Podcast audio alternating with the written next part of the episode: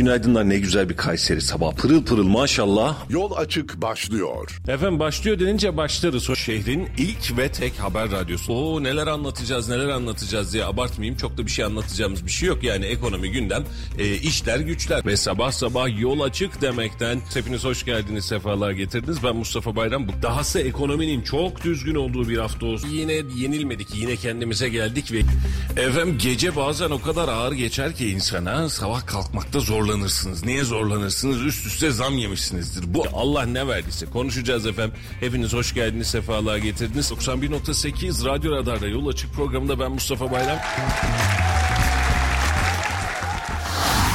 Radyo Radar yol açık başlıyor. 91.8 Radyo Radar'dan herkese hayırlı haftalar, hayırlı günler diliyoruz efendim. Öncelikli olarak 1 Mayıs İşçi Bayramınız kutlu olsun. E, tüm işçilerimizin, işçilerin özlük haklarını aldıkları, daha iyi ortamlarda çalıştığı nice yıllar, nice yıl dönümleri temenni ederiz. Bugün de yeni bir haftada seçime son iki hafta kala sizlerle beraberiz. E, Halil Bey ile beraber sunmuş olduğumuz programımızı bugün bir başka aday adayımız, adayımız daha var. Aday adaylığı kısmı geçti. geçti. E, son günlerde isminden çoksa bahsettiğimiz aslında bizim sayfadaki gönderilerin altında da onlarca yorumu aldığımız ilginç bir milletvekili profili ve ilginç bir parti profili var aslında Memleket Partisi ve birinci sıra milletvekili adayımız Sayın Hasan Çetin stüdyomuzda. Hasan Bey hoş geldiniz. Sağ olun teşekkür ederim hoş bulduk. Hoş geldiniz Hasan Bey. Hoş bulduk Ali Bey. Şimdi e, seçim sürecinde sizden çok fazla konuştuk, çok fazla konuşacağız gibi de görünüyor. Çünkü Memleket Partisi seçimin sürpriz partisi. Muharrem Bey'in yaptığı gibi üçüncü yol yani biz bir alternatifiz dedi ve bunun içerisinde evet özellikle seçimin ilk başlangıç zamanında adı Cumhurbaşkanlığı için hatta Meral Akşener'in masadan kalkması döneminde acaba olur mu diye bakıldığı e, ilginç söylemleriyle doğrusal söylemleriyle kendisinden çok bahsettirilen deprem konusunda daha önceki dönemde çok fazla söz konusu e, olan ve son dönemde de belki birazcık asparagas belki birazcık da üzerine yürüme artık. Hani öyle mi oluyor böyle mi oluyor? Tayyip'in adamısınız siz? Ne yapıyorsunuz? Niye ayırıyorsunuz niye bölüştürüyorsunuz? dediği bir memleket partisi lideri var ve beraberinde de sizin alanda etkin çalışmalarınızı görüyoruz. Bir şekilde sokakta, vatandaşta, e, pazarda, esnafta, köyde, kasabada, kentte bir şekilde buluşmaya çalışıyorsunuz. Öncelikli olarak Hasan Çetin'i bir tanımak isteriz. Hasan Çetin kim? Ne iş yapar? Kaç yaşında? Çol çocuk var mı? Hani Kayseri tabiriyle. Mustafa Bey. Buyurun. Hasan Bey 1983 doğumlu. Kayseri'de doğmuş, Kayseri'de yetişmiş. Kayseri'de eğitimini almış. Kayseri'nin evladı. Ee, esnafım. Kayseri'de çalışıyorum. İş yerim Kayseri'de. Ee, 28. dönem e, Memleket Partisi Kayseri 1. sıra milletvekili adayım. E, bilmeyenler için nasıl bir esnaflık yapıyoruz? Sigorta sigorta ajantasıyım. Aynı zamanda Türkiye'nin 81 ilinde 922 ilçesinde asist destek hizmeti sunuyorum. Harika. Sigorta sektöründen bir adayımız da var o zaman öyle diyelim. Peki. Ee, Hasan Bey e, yaş genç e, genç diyorum kendim de birazcık da oradan e, o kontenjandan çıkartayım diye. Yaş genç e, bir süreç var. Niye Memleket Partisi? Yani böyle bir sevdayla mı başladı? Genel- öyle mi süreç Şöyle oluştu? e, Memleket Partisi'nin Kayseri'de kurulmasında, örgütün kurulmasında aktif görev aldım. Daha sonrasında genel başkanımızın söylemleri, ilkeleri, duruşu, üçüncü bir yol olarak e, kendi yol haritası çizmesi benim hoşuma gitti. Evet. Durum bu şekilde olunca da e, hem örgütün istemesiyle hem de genel başkanın istemesiyle şu an birinci sıra milletvekili adayım. E, bu şekilde bir bismillah dedik yola başladık. Siyasete nasıl atıldın? Ya siyaseti öncesinde e, ben konumla, komşumla, arkadaşımla siyaset sürekli yapardım. Sürekli tartışırdım. E, bir gün bir arkadaşım dedi ki o kadar iyi biliyorsan git kardeşim aday ol. E, burada konuş. Ya kürsüde konuş. Durum bu şekilde başladı. Yani o gaz aslında şey tespit doğru. Yani düşünsene e, insanlar dışarıdan bir şeyleri konuşuyor. E, bunlar niye böyle yapmıyor? Bunlar niye şöyle yapmıyor diye. Ben bunu hep söylerim. İnsanlar bir şey yapmak istiyorsa bu siyasetle yapılıyorsa, bunun mecburiyeti siyasetse ya da siz öyle görüyorsanız o siyasetin teşkilatında, ucunda, kıyısında bulunmak lazım. Bir önce bir çıkmak lazım. E, illa aday olmanız gerekmiyor. İl başkanı da olmanız gerekmiyor. Ama teşkilatın içerisinde fikrinizi söyleyebileceğiniz bir alan var. Ee, orada delege olursunuz, ad- e, üye olursunuz, ya temayül olur, adayı belirlersiniz. Ee, yer olur, genel başkanı belirlersiniz. Delege olur, genel başkanı belirlersiniz. Yer olur, ilçe başkanı, il başkanı olursunuz. Söylem geliştirirsiniz. Bu böyle olmalı dersiniz ama biz memleketçi uzaktan bakmayı, uzaktan eleştirmeyi, yapanlara da ya biz bizler bizi de çok istediler de biz gitmedik demeyi filan tercih ediyoruz. Siyaset böyle bir alan herhalde. Ya biz işte öyle kalmak istemedik. Biz söz sahibi söylemek İsabetli istedik. olmuş. Söz sahibi olmak istedik. E, bir şeyleri eleştiriyorsak veya bir şeyleri takdir ediyorsak veya bu ülke için bir e, önerilerimiz varsa bunu çıkıp gür şekilde, gür sesle bir yerlerde dilendirmek istedik. Evet. Netimiz bu. Şimdi e, Memleket Partisi Genel Başkanı Sayın Muharrem İnce bu perşembeden için gelecek diye önce bir bildirim geçtik. İl Başkanlığı tarafından yapılmıştı ama son anda bir program değişti. E, ne zaman geliyor Muharrem Bey? Ee, genel başkanımız seçimin son haftası Perşembe günü yine aynı gün gelecek. Ee, biz akşam iş çıkışı olmasını istiyoruz. Hani gün içerisinde gelmesini istemiyoruz. Ee, bir de geldiğinde meydandaki trafiği kapatmak istemiyoruz. Evet. Onun için seçim yerimizi yani miting alanımızı da farklı bir yer olarak belirledik. Ee, bir aksilik çıkmazsa Nerede yapacağız mitingi? Hilton Mimar Sinan Parkı'nın oradaki miting alanı var. Kurşun Otoparkı. Kurşun Otoparkı. Orada daha güzel mantık olmuş. Keşke herkes orada yapsa. E, meydan trafiği de kilitlenmese yani Aynı şekilde biz mesela şu an e, siyasi parti liderleri geliyor. O gün günümüz felç oluyor. Evet. Trafik felç oluyor. İnsanlar mağdur ediliyor. Biz bu şekilde olmasını istedik. Akşam 6 gibi planlıyoruz. E, trafiği kapatmadan orada genel başkanımız gelip e, konuşmasını yapıp açıklamasını yapıp gidecek. Anladım. Daha pratik bir miting olacak Aynen. gibi görünüyor.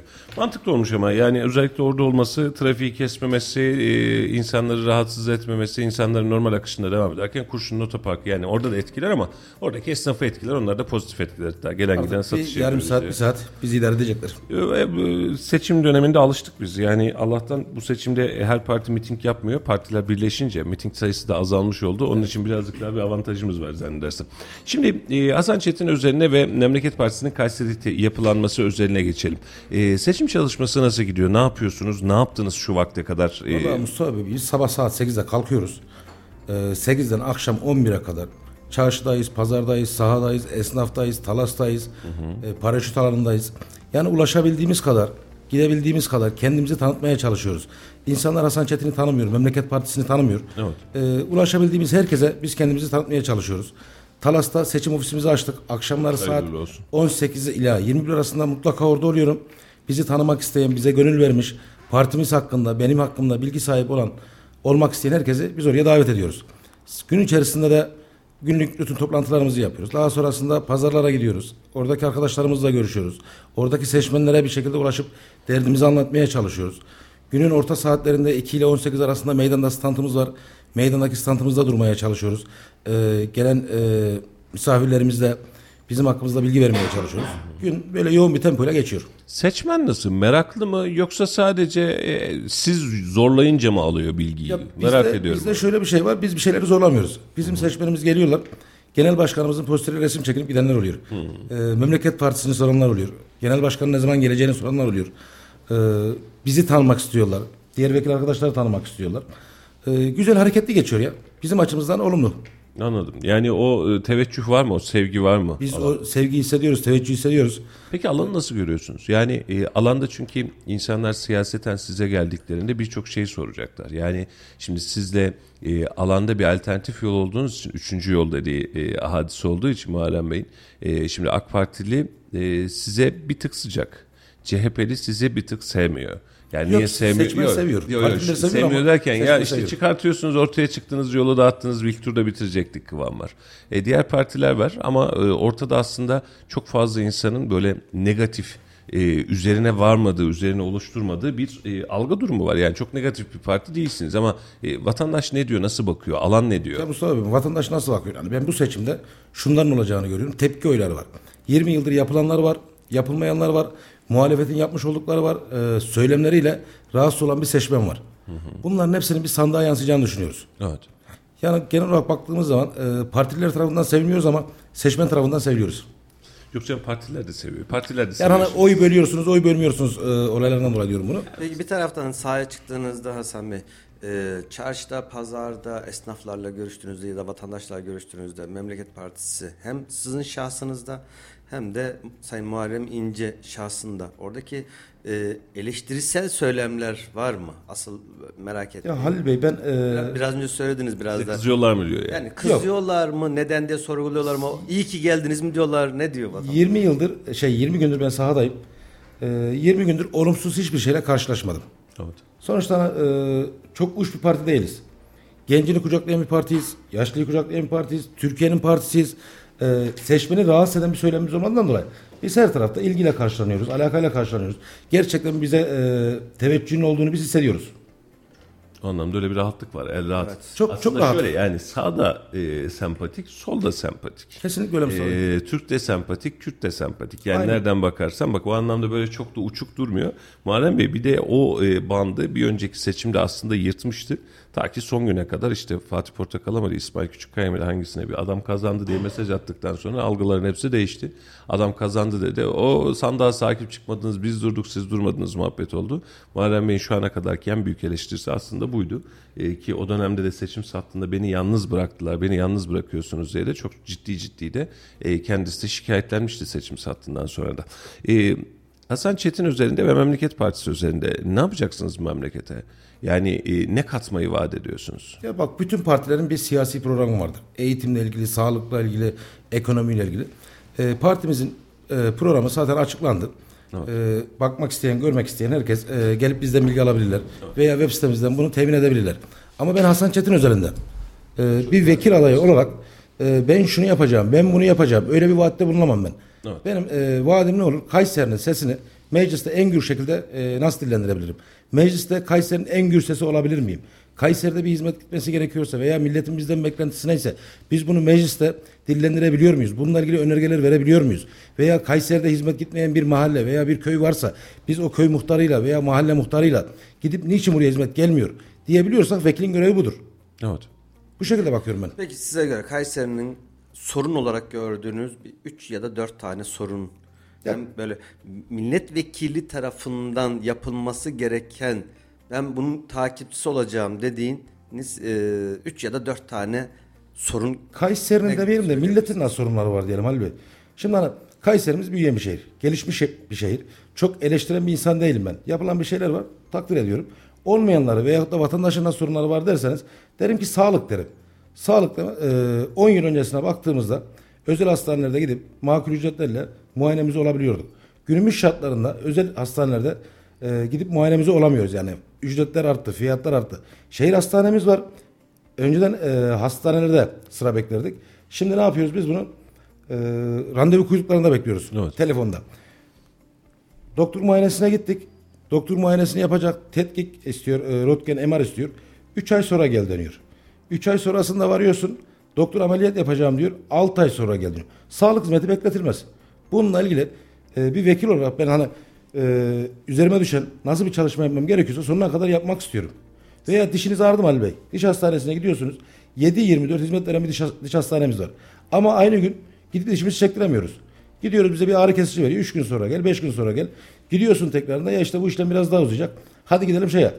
Fakülte hastanesine. Fakülte hastanesinde e, sıra var 6 ay sonra gel. Paran varsa ne yapıyorsun? 27 Mayıs'taki bir diş hekimine gidiyorsun. Aynı gün dişini çektirebiliyorsun. Ya vatandaşın sorunlarını konuşalım.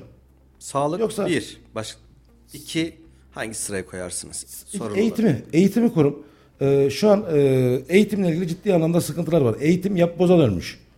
Ee, sezonun başında öğrencinin eline kitaplar konuyor ama içi dolu değil. Aynı zamanda veliye bir de e, kaynak kitap veya yardımcı kitap listesi veriliyor. Ya o verilen kitaplar yetersiz değilse içini geliştirelim. Eğitimin niteliğini arttıralım. Sağlıkla alakalı söylediğiniz kısma e, şöyle bir not da ekleyeceğim. Sağlık sisteminde özellikle e, sağlık uygulama tebliği e, çok uzun dönem e, bu memleket için aslında bir açılım oldu. E, sebep şuydu, Kayseri üzerinde bunu çok yaşadık. Katkı payı almayan hastaneler dönemi başladı. Yani vatandaş ister devlet hastanesinden, ister fakülteden, ister özel hastaneden aynı hizmeti herhangi bir fark yaşamadan, vermeden ödemeye e, almaya başladı. O zaman bir fark ücreti vardı ama hastaneler onu o kadar küçük seviyeydi. görüyordu ki almıyordu bile artık. Yani o artık promosyon haline gelmişti. Sonra fark ücreti alsak mı, 50 lira mı alsak, 30 lira mı alsak, 100 lira mı alsak derken bugün itibariyle dediğinize hak veriyorum. Özel hastaneler e, Sağlık Bakanlığı'nın vermiş olduğu yetersiz bütçeler sebebiyle yani bu bunu kurtarmıyor, özel hastaneyi kurtarmıyor. Döndü hastaya dedi ki para ver. Şimdi geçen bir hastaneyle konuşuyorum aynı hadiseyi. Dedim ki niye vatandaştan para alıyorsunuz? Almasanız ya dedim. Bu bahsettiğim bir yıla yakında herhalde bir yılı geçti. Şimdi rakamlar değişmiştir. Abi dedi hasta başı 16 lira veriyor bana muayene dedi. Doktor ben 16 liraya çalıştıramam. Hal böyle olunca ben bu katkı payını almak zorundayım. Şimdi katkıyı aldık beraberinde röntgeni, filmi vesaire şu dakika itibariyle herhalde bir özel hastaneye gidecek bir hasta tek muayene iki tane tetkik için ortalama 500 ila 1000 liranın altında bir rakamla çıkma şansı yok. E hal böyle olunca dediğiniz gibi ne yapacak vatandaş? Emekli adam şimdi 7500 lira şu an itibariyle aldığı maaş e, bundan bir ay öncesinde 5500'dü e, temel maaşı. 5500 lira alacağım. E, 1000 lira hanım için, 1000 lira kendim için, 2000 lira ayda bir muayeneye vereceğim. Böyle bir dünya kalmıyor. Hal böyle olunca da şehir hastanelerinde, e, devlet hastanelerinde, fakülte hastanelerinde ciddi ciddi yoğunluk çıkıyor. Tespit doğru. E, o anlamda da e, hükümet olsanız da olmasanız da birilerinin bu sistemi e, yeniden toparlaması lazım. Dediğiniz gibi sağlığın bekleyecek tarafı yok. dillendirmemiz gerekiyor, konuşmamız gerekiyor. Bununla ilgili çalışmalar yapmamız gerekiyor. Bir şekilde ana, e, yapılan güzel devasa bir şehir hastanemiz var. Devletimizin diğer hastaneleri var. Ama doktorumuz yok. Ama sağlık e, çalışanlarımız yetersiz. Biz bunları nasıl iyileştirebiliriz? Doktor sayısını nasıl arttırabiliriz? E, sağlıkçı e, çalışanların sayısını nasıl arttırabiliriz? Bunlarla ilgili çalışmalar yapmamız gerekiyor. Yani kuru kuruya eleştiri yapmayalım. Şehir hastanesi yapıldı, bataklığa yapıldı. Ya nereye yapıldığının önemi yok ki. Sonuçta yapılan devasa bir yatırım var. Evet. Bataklık olup olmadığıyla alakalı da işte e, mukavemetine e, zemini itibariyle herhalde bunun da tedbirini almışlardır ki e, dediğinizde de hak veriyorum. Yapılan her şey kötü demek muhalefetlilik yapmak değil. Kesinlikle değildir. E, güzel olana güzel diyeceğiz, kötü olana kötü diyeceğiz ki işin dengesi bir miktarda e, değişmiş olsun. E, şimdi Kayseri özelinde yine bakmış olduğumuz zaman şehri, yapısı, mantığı, ticareti, e, ticaretin içindeki bir insansınız. Kayseri özelindeki e, durum ne? Yani Kayseri'ye nasıl bir makyaj yapmak lazım? Nasıl bir e, motivasyon vermek lazım? Ya Kayseri'ye e, ekonomiyle ilgili, e, iş dünyasıyla ilgili. Sadece Kayseri'nin değil, Türkiye'nin aslında sorunu. Şu an paranın satın alma gücü düşmüş. E, imalatçı ham maddesini kullanıyor, e, tezgahına malını koyuyor veya satışını yapıyor. Tekrarında elde etmiş olduğu gelirle aynı miktarda ham madde alamıyor. Sermaye seriyor. Bunları konuşmamız lazım ya. Evet. Ekonomik anlamda böyle bir sıkıntı var. E, vatandaş ne diyor? Vatandaş sokakta size ne diyor? Mesela alım gücüyle alakalı, etin fiyatıyla alakalı, e, kahvaltıyı nasıl yaparımla alakalı. Bununla alakalı şikayet Vatandaş var bizim e, saha çalışmalarında gördüğümüz e, adalet istiyor. Evet. yargıya güveni istiyor. Ee, emeğin karşılığının zayi olmamasını istiyor. Bütün işin temeli de zaten buradan geçiyor. Vatandaştaki şu an en büyük kaygı adalet kaygısı. Yargının üzerindeki siyasal etki kalksın istiyor. Ee, sağlık hizmetlerinde alınan ücretler alınmasın istiyor. Parası pul olmuş, parasının değeri kalmamış. Bu parasının satın alma gücünün arttırılmasını istiyor. Gıda fiyatları almış başına gitmiş. Bununla ilgili e, iyileştirmeler istiyor. Evet. Peki e, şu an itibariyle hükümetin vermiş olduğu vaatler, işte doğalgaz, e, mutfak kullanımı bedava var, işte bir ay ısınma bedava var, emekli maaşlarının artması var, EYT'nin çıkması var. Siz alanda olduğunuz için bunu bir milletvekili adayı olmaktan çok bir gözlemci olarak söylüyorum. Vatandaş nasıl bir algı içerisinde bu vaatlerle? Ya vatandaş e, şunların hepsinin seçim yatırımı veyahut da seçim vaadi olduğunu e, hissediyor. Diyor ki ya 20 yıldır sen bana vermemişsin. 20 yıl sonra ne değişti de sen şimdi bana veriyorsun? Evet. Doğalgaz bir ay bedava. Ya bana kışın lazım doğalgaz. Şimdi lazım değil ki. Şu an e, kış bitmiş. Doğalgaz ödemişsin ödeyeceğim ama seçim arefesi ben bir ay almayacağım veya iki ay almayacağım. Bu vatandaşı tatmin etmiyor. EYT bugün konusu değil 20 yılın konusu. 20 yıl önce bu neden çıkarılmadı şimdi niye çıkarılıyor? Vatandaş bunların hepsini sorguluyor. Çıkarılan EYT'de mağdur olan staj mağdurları var. 2000'den sonra sigortası başlayanların beklentileri var. Bunlar niye konuşulmuyor? Yaklaşık Buna- 20 sene bir 2000 yılından önce yani ya da 99'dan önce sigorta hayatına başlayanları konuştuk.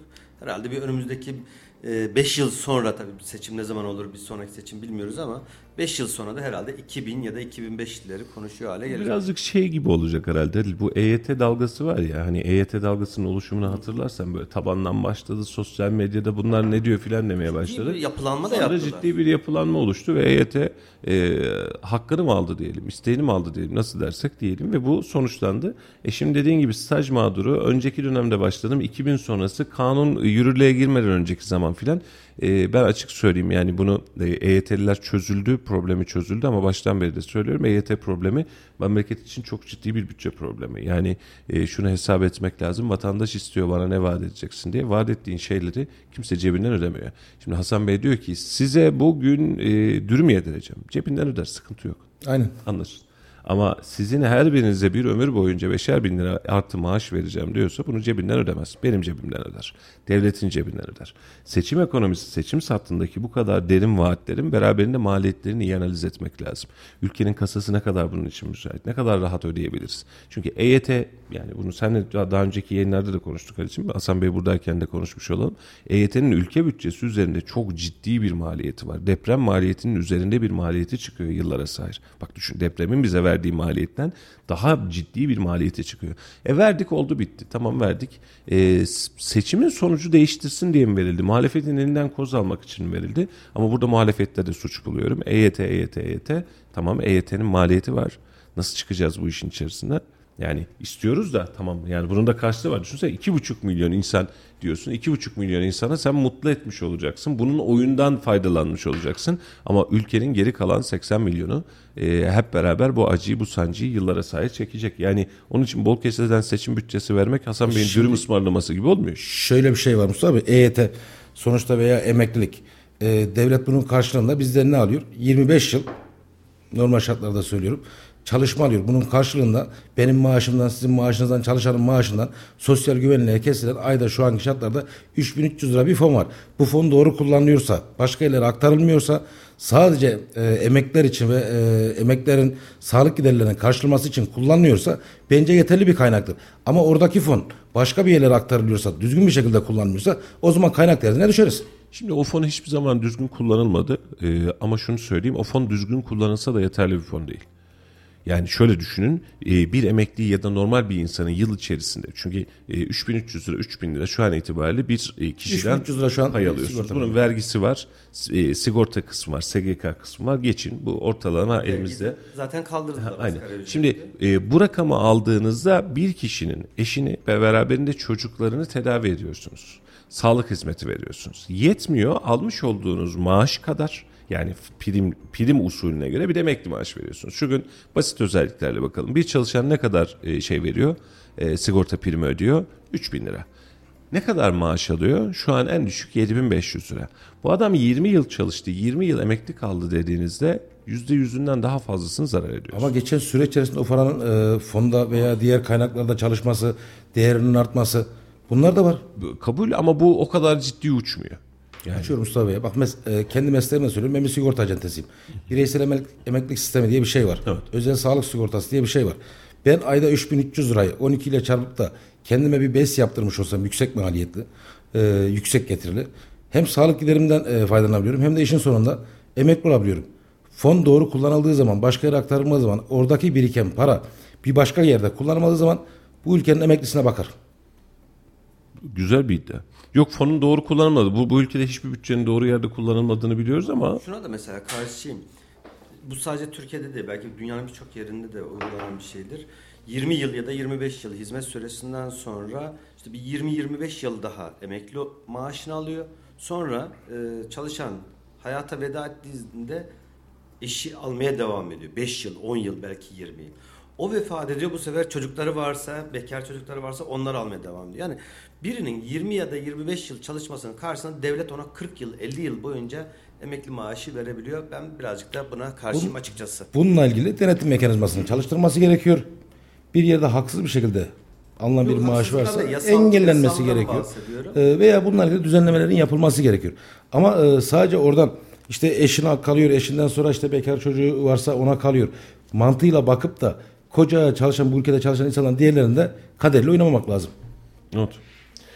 Ee, yeni dönemde bunları da çok fazla konuşacağız gibi. Memleket Partisi özelinde e, son dönemde Ankara Kuşu filan da tweetler atmaya başladı. Üzerinizde çok ciddi anlamda bir taarruz var. Ee, tabii muhatap siz değilsiniz genel başkanınız ama e, işte e, AK Parti tarafından fonlandığı söyleniyor. Beraberinde para verildiği söyleniyor. Bunlar seçim dönemi öncesinde hep olur ama bu dönem birazcık daha Memleket Partisi ve Muharrem İnce üzerinde çok oldu. Muharrem İnce de birazcık aslında sert üsluplarla da cevap veriyor buna.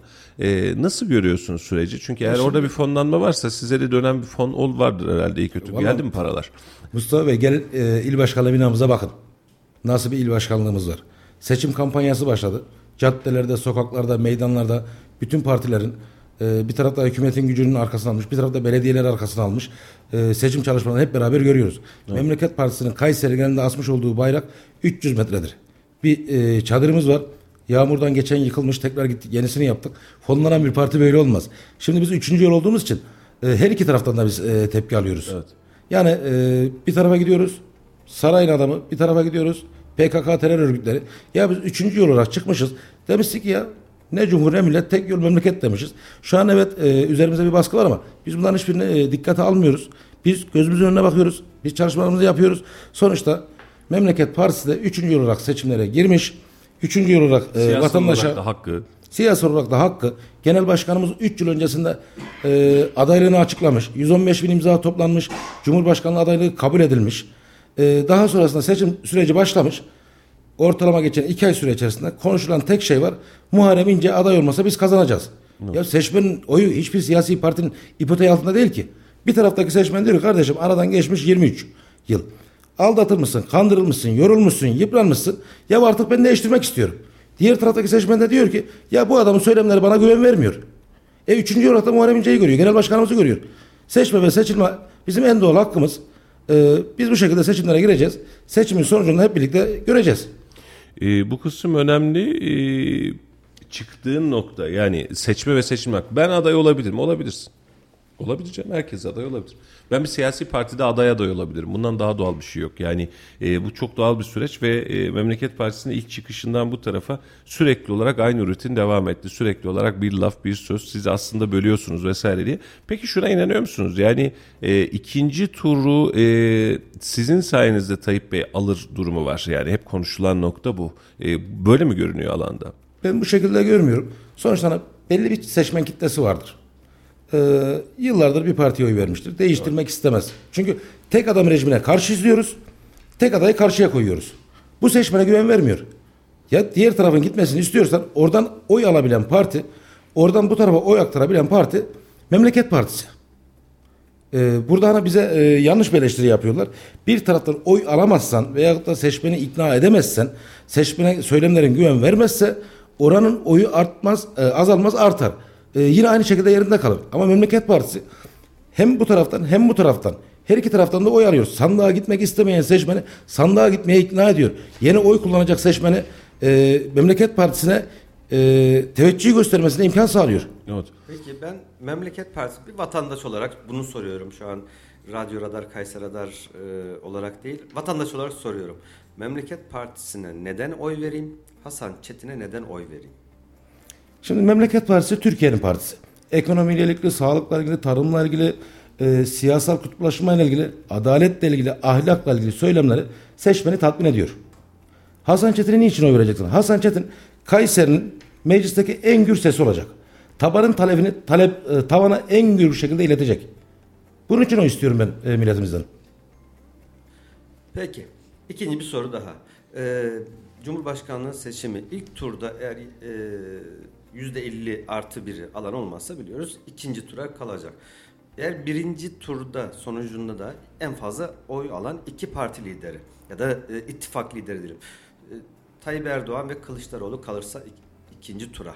Bu sefer Memleket Partisi'nin tabanı sizler ya da e, Memleket Partisi'ne gönül verenler tercihini hangi liderden yana kullanır? Ya şimdi bununla ilgili seçmen adına ben e, bir şey söyleyemem. Ama biz e, şunu söylüyoruz. ikinci tura biz kalacağız. Biz ikinci tura kalmazsak e, o zaman onu o zaman konuşalım. Bu güzeldi. Suriyeliler meselesiyle alakalı Muharrem Bey'in de özellikle e, çıkışları var. E, şehirdeki Suriyeli yansıması da belli. Yani e, belli bir oranda, belli bir yoğunlukta özellikle bizim bulunduğumuz bölgede onu çok fazla yaşıyoruz. E, nasıl bir politika, nasıl bir duruş var? Ya bizim e, genel başkanımızın ve e, benim Suriyelilerle ilgili diyoruz ki biz bunları gül oynaya memleketlerine göndereceğiz. Ben gerçekten rahatsız oluyorum Mustafa Bey. Evet. Bundan 5 yıl önceki nüfusları farklı. Şimdiki nüfusları farklı.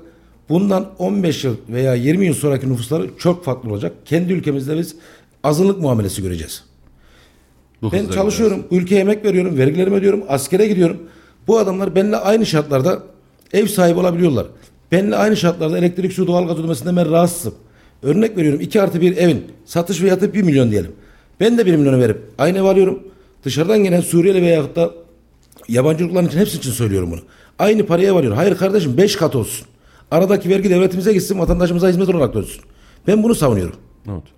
Ben bu ülkede askerlik yapacağım, vergi ödeyeceğim, bedel ödeyeceğim. Bu adam gelecek elektriği, suyu, doğalgazı benimle aynı paraya kullanacak. Ben bunu kabul etmiyorum. Bu ciddi bir problem. Rakamsal olarak da ciddi bir problem. E, gittiğiniz yerlerde Suriyelilerin size teveccühü nasıl? Onlarda da oy kullanacaklar da var içlerinde biliyorsunuz. Vatandaşlık alanlar da var. Gittiğimiz yerlerde biz henüz karşılaşmadık. Ee, bayram falan vardı arada biliyorsunuz. Mahallelere falan gelmiyorlar Ee, muhtemelen. bay- bayramdan dolayı e, Suriyeliler pek şu an Kayseri'de değil.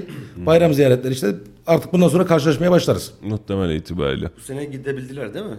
Suriye'ye. Geçen yıl yasaklamışlar. Yasak gelmişti bu sene kimse üstüne basmadı. Ee, Ses edilmedi galiba. Yani- her zaman şunu söylüyorum. Ee, sen bayramda Suriye'ye gidebiliyorsan demek ki orada kalabilirsin. Demek ki kalabilirsin. Gidenleri tekrar geri almamak gerekir mi acaba? Onu bilemedim. Ya Biraz- çok kolay yolları var. Gitmişse tamam savaş varsa gidemezdi zaten.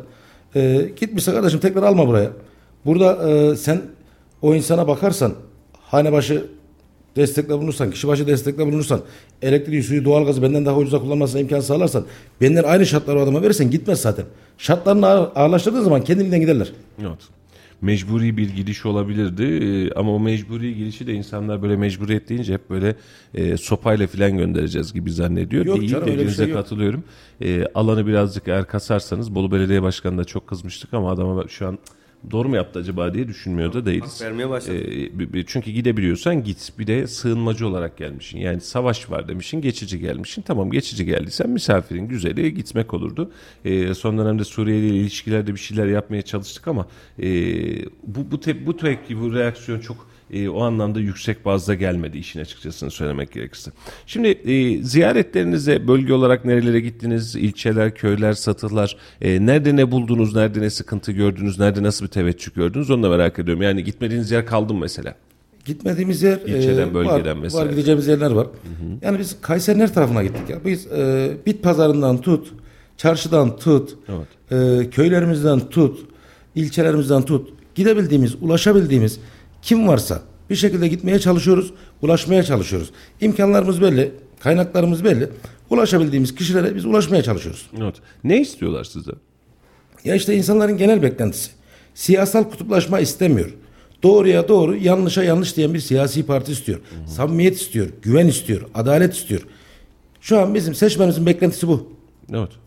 Netliği bu. Peki etnik kökende mesela Avşarlar geldiğinde, Kürtler geldiğinde, örnek veriyorum Çerkezler geldiğinde bunlara karşı aksiyonunuz nasıl? Yani e, çünkü listelerinizde de var belli bir e, sıralama yaptınız buna göre. Buradan bir teveccüh var mı? Türk yani Kayseri'nin bütün bölgesinden bize teveccüh var. Sonuçta hani biz e, sadece bir kısmın partisi değiliz. Biz de din, dil, ırk, mezhep ayrımı yapmıyoruz. Evet. E, Kayseri'nin her kesiminden herkesin oyuna talibiz. Her taraftan da biz teveccüh alıyoruz. E, güzel süreçler. Mert'cim e, rejiden bu arada Laf Sokak'ta'ya bir araya girelim. Biz de bu arada, bu arada adayımıza da bir nefes aldırmış olalım. E, bir Laf Sokak'ta arası vereceğiz sevgili dinleyiciler. Laf Sokak'ta'yı bazen sonda bazen ortada alıyoruz. E, hem biz bizim de birazcık nefeslenmemiz için de zaman alıyor. Laf Sokak'tanın ardından yeniden sizlerle birlikte olacağız. Bakalım e, şehir sokağı, şehrin sokağı ne diyor? Bunu bir kulak verelim. Ardından yeniden burada olacağız. Yani istediği oy sayısına ulaşamayacak. Kayseri'de özellikle öyle düşünüyorum. Kayseri'den alamaz o kadar. Zor bir ihtimal yani. Bunları Atta'ya göndereceğiz. Gözüktüğü gibi olmayacak her şey. Kemal Kılıçdaroğlu Kayseri'de 88.029 genç oy kullanacak umudum. Gençlikte oylarınıza talibim dedi. Bu konu hakkında ne düşünüyorsunuz? Yani gençlerimiz biraz düşünseler eee, bu kadar vaadin veya işte bu 300 milyar doların karşılığında ne e, vaat etti de bu parayı buldu diye bir düşünmeleri lazım öncelikle vermeden önce ki gençlerimizin şu an daha akıllı ve daha mantıklı düşüneceğini tahmin ederekten Kılıçdaroğlu'nun işi biraz zor. Yani e, vaatleri boştur bence. Tabii ki de e, alacağı kesim olabilir ama e, istediği şeye rakama ulaşamayacaktır. Yani istediği oy sayısına ulaşamayacak. Kayseri'de özellikle öyle düşünüyorum. Yani herkesin her görüşü kendi oy kendisine yani. Ya bence doğru olabilir çünkü genelde gençlik e, AKP üzerine çok e, negatif. O yüzden ya CHP kalıyor ya da Muharrem İnce. O yüzden CHP olabilir. Yani kazanabilir Kemal Kılıçdaroğlu. Vallahi tam ben de kestiremiyorum çünkü çok fazla e, görüyorum internette iki tarafında destekçisini. O yüzden bilemiyorum yani. Kayseri'den alamaz o kadar. Zor bir ihtimal yani.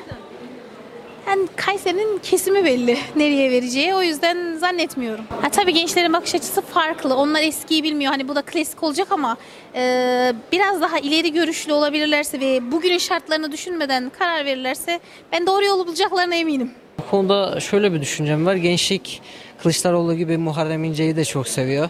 Danslarıyla birlikte ama yani bu olaylar dansla falan olacak işler değil. O yüzden biraz daha doğruları görüp hani Erdoğan'la ilgili açıklama dinlemeleri gerektiğini düşünüyorum. E Şimdi sosyal ortamlarda gördüğümüz üzere Muharrem İnce gençlere kalırsa şu an direkt lider olarak öne çıkar. Ama gözüktüğü gibi olmayacak her şey. Daha fazla Erdoğan'a kayacaklarını düşünüyorum. Valla ben oy vermeyi düşünmüyorum Kemal Bey'e. Çünkü zaten adaylarını bile son dakikaya kadar beklettiler. Yani olmaz ya. Kayseri için e, biz e, Recep Tayyip Erdoğan'ı öngörüyoruz. Gençlik olarak. Ya gençler şu anda e, Memleket Partisi'nde bayağı bir savunan gençler var. Bu e, Muharrem İnce'nin dansından sonra fazla oy alacağını zannetmiyorum ama ya. Kemal Kılıçdaroğlu'nun gençliği nasılmış ki bizden gençlerden oy isteyecek? Kemal Kılıçdaroğlu'nun hiçbir faydası yok. Kendine faydası yok ki Türkiye olsun. Başka diyecek bir şey yok. Eğer gençlerimiz aklı başındaysa bu iktidara oyunu verir, rahatça geleceğini saplar. Gençler için çok yanlış bir şey. Gençlerden hiç tutan yok arkasında. Ha bugünkü miting, tek CHP'nin miting miydi? Yedi tane partinin miting toplantısı vardı. Yedi tanesini topladı bu kadar işte. Söylemiş biz de kendisine vereceğiz oyumuzu. Ee, artık bu yönetimin değişmesi gerektiğine inanıyoruz. Ee, daha yeni bir yönetimin, e, daha halkçı bir yönetimin e, gelmesini ümit ediyoruz. Bu yüzden bizim oyumuz da Sayın Kılıçdaroğlu'na. Genel olarak Kayseri'ye baktığımız zaman evet Cumhur İttifakı çok olacak ama geçmiş dönemlere göre bunun daha azalacağını ben düşünüyorum ve özellikle gençlerde de e, bu- bunun daha çok azalacağını görüyorum yani öyle söyleyeyim. Ben de ona vereceğim. yani bir ekmeğe bile muhtaç olan var. Bir soğana. Yani mecbur verecekler. Artık yeter. 22 yıl olmuştur. Bunları Atta'ya göndereceğiz. Benim oyun belli. Ee, değiştirmeyi de düşünmüyorum. Ee, milletvekili aday olarak Milliyetçi Hareket Partisi, ee, Cumhurbaşkanı adayı olarak da Recep Tayyip Erdoğan. Biraz zor. Yani Kayseri'nin e, belli bir yapısı var. E, MHP ve AK Parti ağırlıklı. Belki biraz e, yedili masadan dolayı belki olabilir ama onların abarttıkları gibi değil. O eğilim en çok fazla kim çalıştıysa ona göre olur. Yani üniversite yapılanmasında hangi siyasi parti daha çok çalıştı ise ona göre e, yön verir diye düşünüyorum.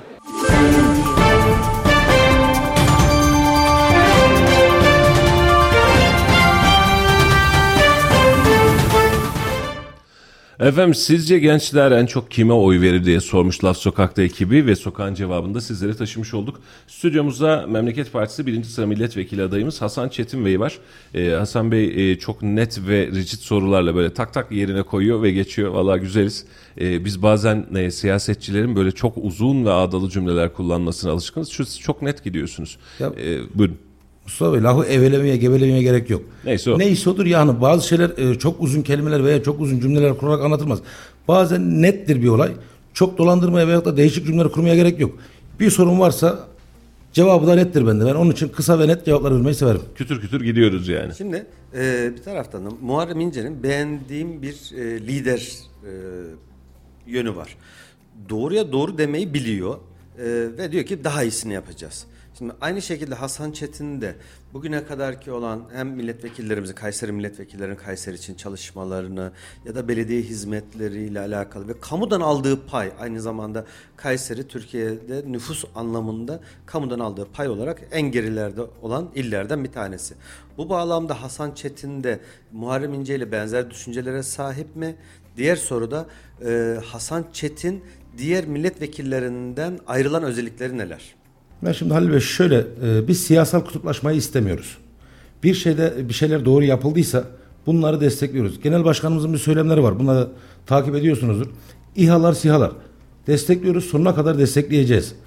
E, Libya tezkeresine destek verdik. Partisinden bağımsız bir şekilde mavi vatan, ana vatan, gök vatan bizimdir dedi. Sonuna kadar destekleyeceğiz. Türkiye petrol arama kuyularında Payına düşeni fazlasıyla alması gerekiyor diyor. Sonuna kadar arkasındayız. Yerli ve milli otomobilin sonuna kadar arkasındayız. Yüzde yüz yerli ve milli olsun diyor. Biz de aynı şekilde bunu e, benimsiyoruz. Hafif ticari grubu yollarda olsun. Ağır ticari grubu yollarda olsun. Bunların hepsini biz istiyoruz. Diğer vekil arkadaşlarla ilgili. Sonuçta Kayseri 10 tane vekil seçecek. Diyecek ki kardeşim siz gidin bizi mecliste temsil edin. Hangi partiden olduğu önemli değil. A, B, C partisi benim için hiç fark etmez. Kayseri'nin lehine bir şey varsa elimizi adam gibi kaldırmaktan korkmayacağız. Kayseri'nin de aleyhine bir şey varsa partimden bağımsız bir şekilde ben bu elimi indirmekten kesinlikle çekinmeyeceğim. Sonuçta vekilde olması gereken budur. Benim partimin bütün politikaları doğru diye bir şey yok. Yanlış diye de bir şey yok. Veya diğer partilerin politikaları yanlış diye de bir şey yok. Doğru diye de bir şey yok. Doğruysa doğrudur, yanlışsa yanlıştır kardeşim. Biz doğru olan tarafta bulunacağız Biz diyor. doğru olan tarafta bulunmasak vicdanımız rahat etmez. Ya genel merkez dedi ki mesela grup kararı aldık kardeşim böyle oy vereceğiz dedi. Ben vermem. Eğer milletin, Grubu delerim diyorsunuz yani. milletin lehine bir şey varsa elimi kaldırırım. Ama milletin de aleyhine bir şey varsa onu indirmekten çekinmem. Peki alanda... Genel başkanımızın da profili bu zaten. Şimdi şu an itibariyle bir adaysınız ama yıllardır da e, bu memlekette oy veren bir vatandaşsınız. E, şu anki şu ana kadarki olan tabloda vekilleri eleştirecek olsak yani isim vermeden önemli değil.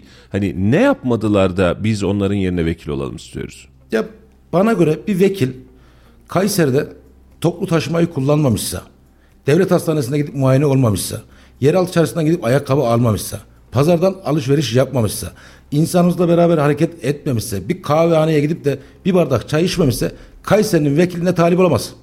Bu kadar rahat diyorsunuz. Bu kadar rahat ya Kays vekiliz sonuçta biz. Ee, dokunulmaz, ulaşılmaz insanlar değiliz. Kayseri'nin içinde olalım, insanımızla birlikte olalım ki toplumun nasıl sıkıntısı var, insanların nasıl sıkıntısı var bilelim. Sonuçta bir sana bana sorsan ben sana yapmış olduğum işle ilgili bilgi veririm. Onun dışında sektörlerde nasıl sıkıntılar var? Esnafta nasıl sıkıntılar var? Toplumun nasıl sıkıntıları var? Biz halkın içinde olmazsak bunların hiçbirinden haberimiz olmaz. Evet. Onun için de e, o toplu taşımaya da binen çarşıda da gizem vekiller lazım. Aslında ideal tablo bu. Hepimiz için ideal tablo bu. E, çok halkın içindensiniz. Çok e, burjuvazinin de dışındansınız. Yani görünür tablo bu. E, çok doğal, çok bizden. E, Nasıl? çok çok sokakta gördüğümüz esnaf tipi. Yani sıkıntı yok. E, bunu kötü anlamda söylemiyorum. Sakın yanlış anlaşılmasın.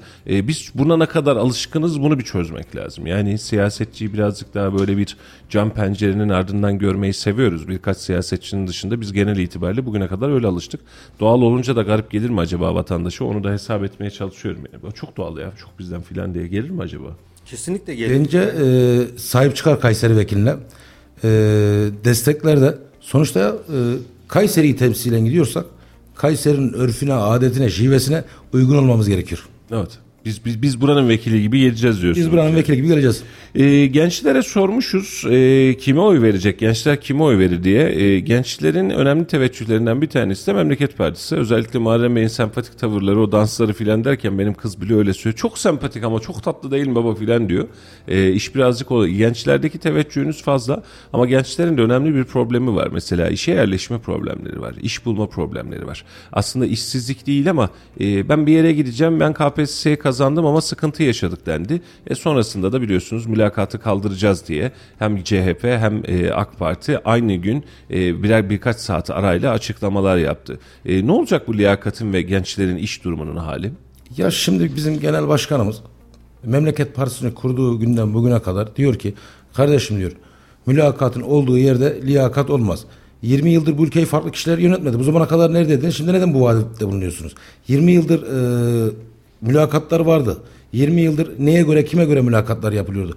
E, genç üniversiteye gitmiş, çalışmış, KPSS'ye girmiş, emek vermiş, gecesini gündüzüne katmış. Ailesi bir beklenti içerisine girmiş. E, haklı sayılır bir puan almış, yerleştirilemiyor.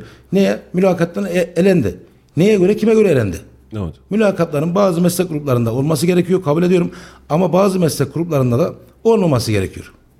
Yani düz bir büro memuru alacaksak herhalde mülakatta çok illaki olabilecek olması gereken bir tavır değil. E, buradan Evrak takibi yapan bir personel de herhalde e, mülakat yapmak da çok doğru değil. Orada direkt e, neye bakarsınız? Aldığı puana bakarsınız. Ya- Ama şuna karşıyım, her zaman da karşıyım. Mülakat kısmen olmalı mı? Evet olmalı. Şahsi görüşüm de bu. Yani bir üniversiteden mezun olan herkes bilgili anlamına gelmiyor.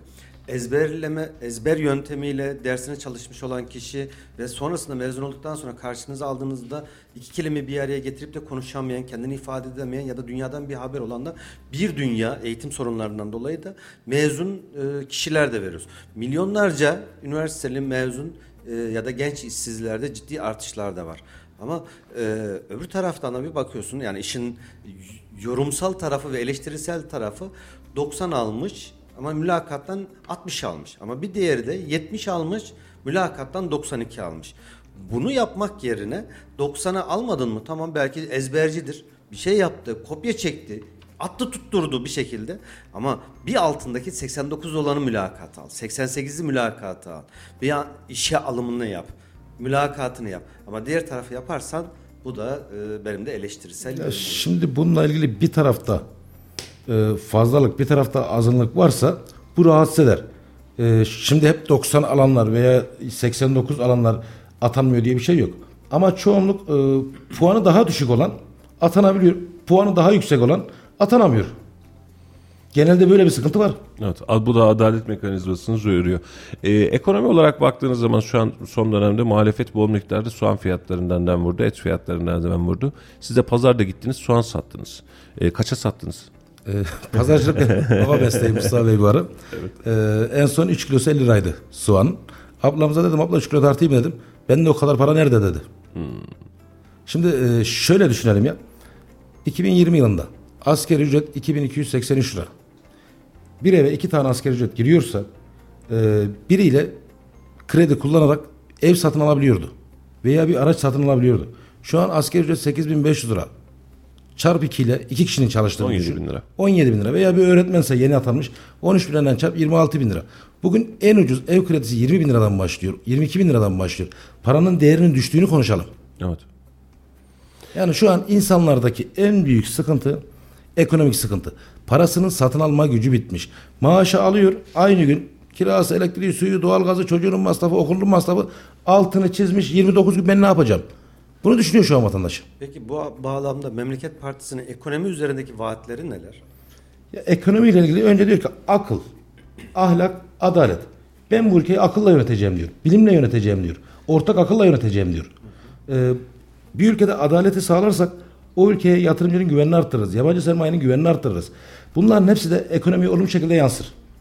Ee, yanlış tarım politikalarından vazgeçersek, doğru tarım politikalarına e, emek harcarsak, e, ekmeğine değil de ekene destek verirsek bu ülke bolluk, e, refah, ferah içerisinde daha güzel yaşar. Peki paranın değeri nasıl artar? Ya paranın değerinin artması için bir yerde kıt kaynaklar varsa e, hani üretim yok, tüketim var. Üretim ülkesi olursak, e, üretimlerimizi arttırabilirsek e, para değer kazanır. Ve tabii aynı şekilde ürettiğini sadece iç piyasada da değil, uluslararası Tabii. piyasalarda da dış ticaret anlamında da e, satabiliyor hale gelmeniz Paramızın gerekiyor. değerlenmesi için, Paranın dünyada kabul görmesi için Tabii, bunu yapmamız gerekiyor. yapması için. İlçeler üzerinde çok fazla geziniz var ama ilçelerdeki e, tarımın ve ilçelerdeki göçün durumuyla alakalı ne söylersiniz? Yani Ya bununla kırsal- ilgili kırsal kalkınma planlarının hazırlanması gerekiyor. Biz kırsalda yaşayan vatandaşımıza sağlık hizmetini kaliteli bir şekilde verelim. Eğitim hizmetini kaliteli bir şekilde verelim. Ee, bakıyorsun ilçedeki bir vatandaşımız hastalanıyor. Tamam ilçede hastanemiz var mı? Var. Ama gidiyorsun yeterli ekipman yok. Yeterli cihaz yok. Kayseri'ye gelmek zorunda kalıyor. Aynı gün muayenesini tedavisini yaptıramıyor. Tekrarında tekrarında gelmek zorunda kalıyor. Orada okuyan bir çocuğu varsa o ilçedeki eğitim hizmetleri yetersiz kalıyor. Orada istihdam e, sağlayamazsak, orada istihdama katkıda bulunamazsak sürekli köylerden kentlere göçler olur. Bu da ne yapar? E, tarımımızı olumsuz yönde etkiler. Ben bu şekilde düşünüyorum. Evet. Ee, bu pozisyon yani e, bahsetmiş olduğumuz tarımı eğer geliştirecek olursak ilçeler bazında da genel e, nüfus bazında da e, rahmetli Ecevit'in köye dönüş projesi vardı biliyorsun o çok önemliydi. Yeniden bir köylüyü zengin etme, köylünün rahat müreffeh olması merkezdeki hem nüfusu azaltacak hem de belki bu anlamda stratejileri değiştirecek. Şimdi Memleket Partisi e, oldu ya ikinci tura kaldı ya da birinci turda işte e, Sayın Muharrem İnce Cumhurbaşkanı seçildi. E, nasıl bir ekip var, nasıl bir takım var, bakanlar kimler, e, burada il yönetimindeki arkadaşlar kimler bu anlamda bir bilgiler var mı? Bununla ilgili genel başkanımızın e, söylemleri var. 300 tane aklı başında insanla ben bu ülkeyi yöneteceğim. Bunların bazıları kim olduğunu kendilerini biliyorlar, bazıları bilmiyorlar. Bununla ilgili zaten genel başkanımızın söylemleri var, e, demeçleri var.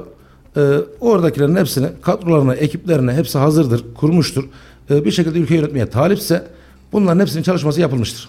Şimdi bu seçimden e, sona doğru geliyoruz. Bu seçimden istediğiniz oyu aldınız ya da alamadınız. İki tane alternatifiniz var. Alırsınız sizi vekil olarak göndeririz ya da alırsınız ve Mem- Memleket Partisi barajı geçer sizi vekil olarak göndeririz. Ya da alamadınız oldu ya bu ihtimal. Siyasi hayat Hasan Çetin için son bulur mu yoksa yeni mi başlıyoruz? Yok son bulmaz. E, çünkü hani siyaset kısa soluklu bir şey değildir. Evet. Sonuçta biz bu ülkenin evladıysak sürekli bu ülke için konuşmamız gerekiyor. Bir şeyler üretmemiz gerekiyor. E, konuşuldukça, e, çalıştıkça ortaya bir şeyler çıkar. Hadi ben işte başladım milletvekili aday oldum seçilemedim. Ya dünyanın sonu değil ki. Ama ben bu ülke için ne yapabilirim onu düşünüyorum. Evet. Adım adım atmak gerekecek. E, buradaki il teşkilatı da çok genç arkadaşlardan oluşuyor. Bazen e, sokağa çıktığınızda bunun dezavantajını yaşıyor musunuz? Genç olması. Yani evet gençlik güzel bir şey ama hepsi genç. Maşallahları var. Yok canım hepsi de genç değil hani biz e, sadece bir kesimin partisi değiliz. Bütün kesimin partisiyiz. Biz avantajını yaşıyoruz. Niye avantajını yaşıyoruz? Yorulmak bilmiyoruz. Dinamiyiz, enerjiyiz. E, yani bir şey yapılacak dediği zaman hadi yapalım, hadi birlikte yapalım. E, sabah 8'den akşam 11'e kadar sahada oluyoruz. Ya ben yoruldum işte veya işte ben bugün gelmesem mi diyen bir arkadaşımız yok ya.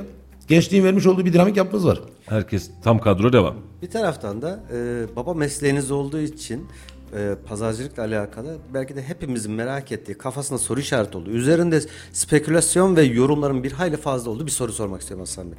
Tarlada 5 lira olan örnek veriyorum bir domates marketlerde ya da pazarda nasıl oluyordu 35 lira oluyor 30 lira oluyor. O 5 katına 6 katına çıkmasının sebebi nedir? Arada kim e, kazanıyor ya da kimler kazanıyor? Niye 5 katına çıkıyor? Şimdi bunu dönemsel olarak düşünmek gerekiyor. Sadece tek dönem olarak düşünmemek gerekiyor. Bir şeyin girdi maliyeti ucuz olmazsa raflara yüksek yansır.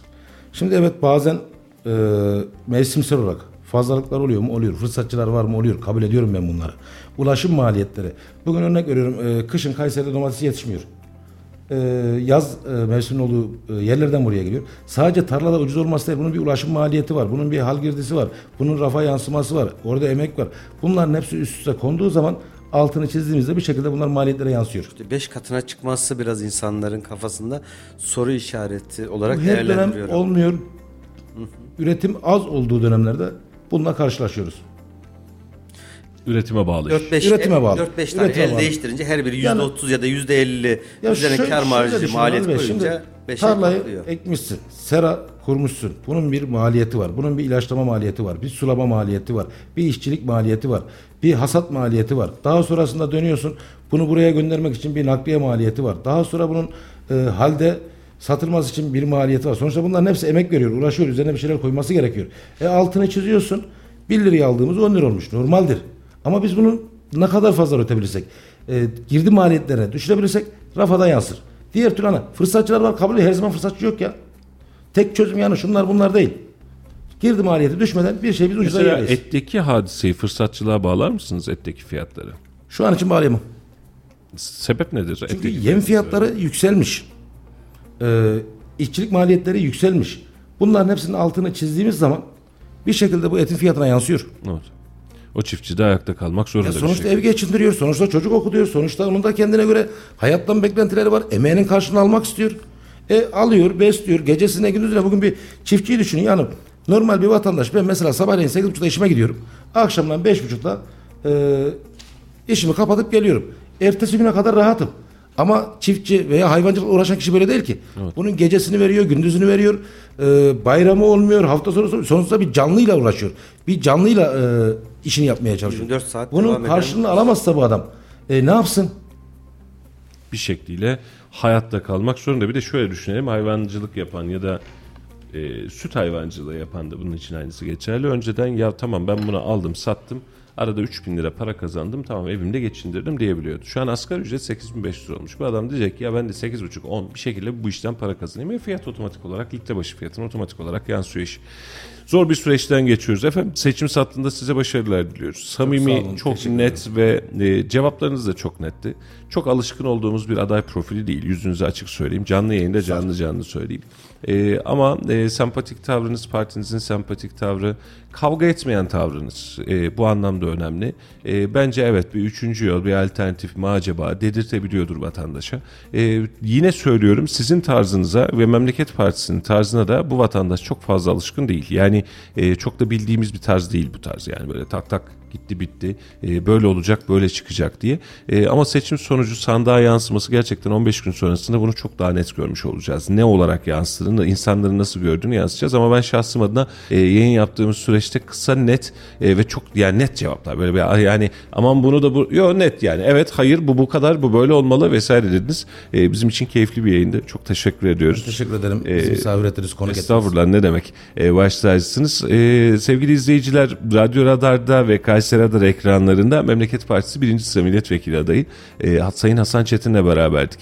E, bizim için keyifli bir yayındı çünkü Hasan Bey çok net cevaplarla geliyor ve bunu yaparken de acaba bir kompliman oluşturalım buradan da bunun algısını çıkartalım demiyor. Net gidiyor. E, hakikaten de e, pazarda karşılaşacağınız, markette karşılaşabileceğiniz, kıymalı yerken yan yana oturabileceğiniz, okey oynarken abi dört lazım deyip çağırabileceğiniz böyle böyle, böyle bir yapı var ortada. E, yine söylüyorum alışkın değiliz ama e, tablo itibariyle e, farklı bir gözlem ve farklı bir ruh var. E, ben e, seçilme ihtimalinizde yine Kayseri'ye çok gelen, Kayseri'de çok duran, en çok Kayseri ile ilgilenen ve Kayseri'nin sorunlarının üzerine giden bir vekil olmanızı temenni ederim tüm vekillerde olduğu gibi. E, yine, yine söylüyorum yayına geldiğiniz için çok teşekkür ediyorum. Bizim için de keyifli bir yayında. Halicim var mı son notların? Çok teşekkür ederim. Hasan Bey'e de teşekkür ederiz. Sizlere de önümüzdeki 13 gün içerisinde de başarılar dileriz. Çok sağ olun. Ben teşekkür ederim. Biz teşekkür ederiz.